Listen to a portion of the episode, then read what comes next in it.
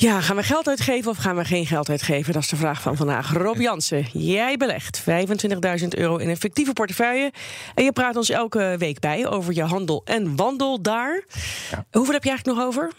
Uh, ik heb uh, tegen de 6000 euro over. Oké, okay, netjes, maar aardig wat weggegeven dus. Of ja. weggegeven niet, hè? Weggezet. Weggezet. Ja. ja. Vorige week hadden we het over McDonald's. Ja. Dat zou je aanschaffen, heb je dat gedaan? Ja, die order die wordt morgen uitgevoerd. Fictief wel te verstaan, want je zei het al, ik beleg niet met echt geld.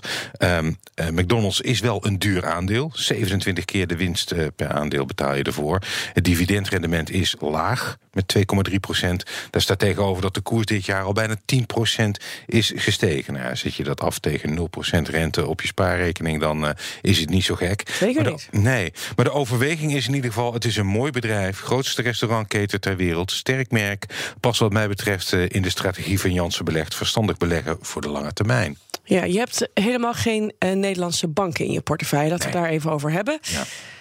Waarom niet? Nou, ik vind het tricky. Uh, ABN AMRO bijvoorbeeld, die staat bij veel beleggers uh, op de kooplijst, op de tiplijst. Want het bedrijf heeft een hoog dividendrendement. Meer dan 9 procent.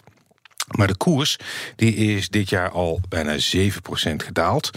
Um, de kosten, en dan heb ik het over de kosten voor de bank, die uh, zijn hoog als gevolg van de maatregelen om witwassen uh, tegen te gaan. Luister maar even naar wat topman Kees van Dijkhuizen daar afgelopen week over zei. 1 op de 10 bij ABN AMRO nu is, is hiermee bezig. Vind het ook heel belangrijk om uiteraard het systeem schoon te houden. We zijn een poortwachter van het financieel systeem. Wat betreft die totale kosten, dit zijn de kosten voor, die we hier aan besteden. Dat is afgelopen jaar zo'n 400 miljoen geweest. Ja, afgelopen jaar 400 miljoen, maar mm -hmm. over de hele tijdspanne gaat daar 5 miljard euro in zitten. Nou weet ABN AMRO de totale kosten wel terug te dringen...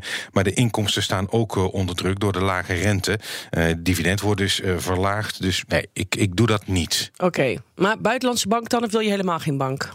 Nou, Um, dat is zeker een mogelijkheid. Kijk, ABN AMRO is aantrekkelijk vanwege het hoge dividendrendement. Daar zit tegelijkertijd ook een risico, want dat is uh, hoog omdat de koers zo laag is. Waarom is die koers laag? Blijft die koers dalen omdat het niet lekker loopt? Wat is de gevolg daarvan voor de dividenduitkering? Nou, we zien al bij ABN AMRO dat dat omlaag gaat in absolute zin. Nou, Morningstar, dat doet onderzoek naar bedrijven en beleggingsfondsen. En het is ook uh, de site waar ik de fictieve portefeuille bijhoud. Nou, die hebben een onderzoek gedaan naar die zogenaamde dividend, dividend trap. Hè? Dus zeg maar het, aantrekkelijke hoge dividend, maar eigenlijk is het een val waar je in kunt trappen. Zij hebben een selectie gemaakt van Europese banken uh, waar de kans op die dividendval het kleinst is. En de top 4 bestaat uit het Zweedse handelsbanken, de Britse Lloyds Bank, Belgische bank eh, KBC en de Zwitserse UBS. En een van die vier die maakt wel grote kans om in mijn portefeuille opgenomen te worden. En dat horen we dan volgende week, hè? Ja. Denk ik. Rob, dankjewel.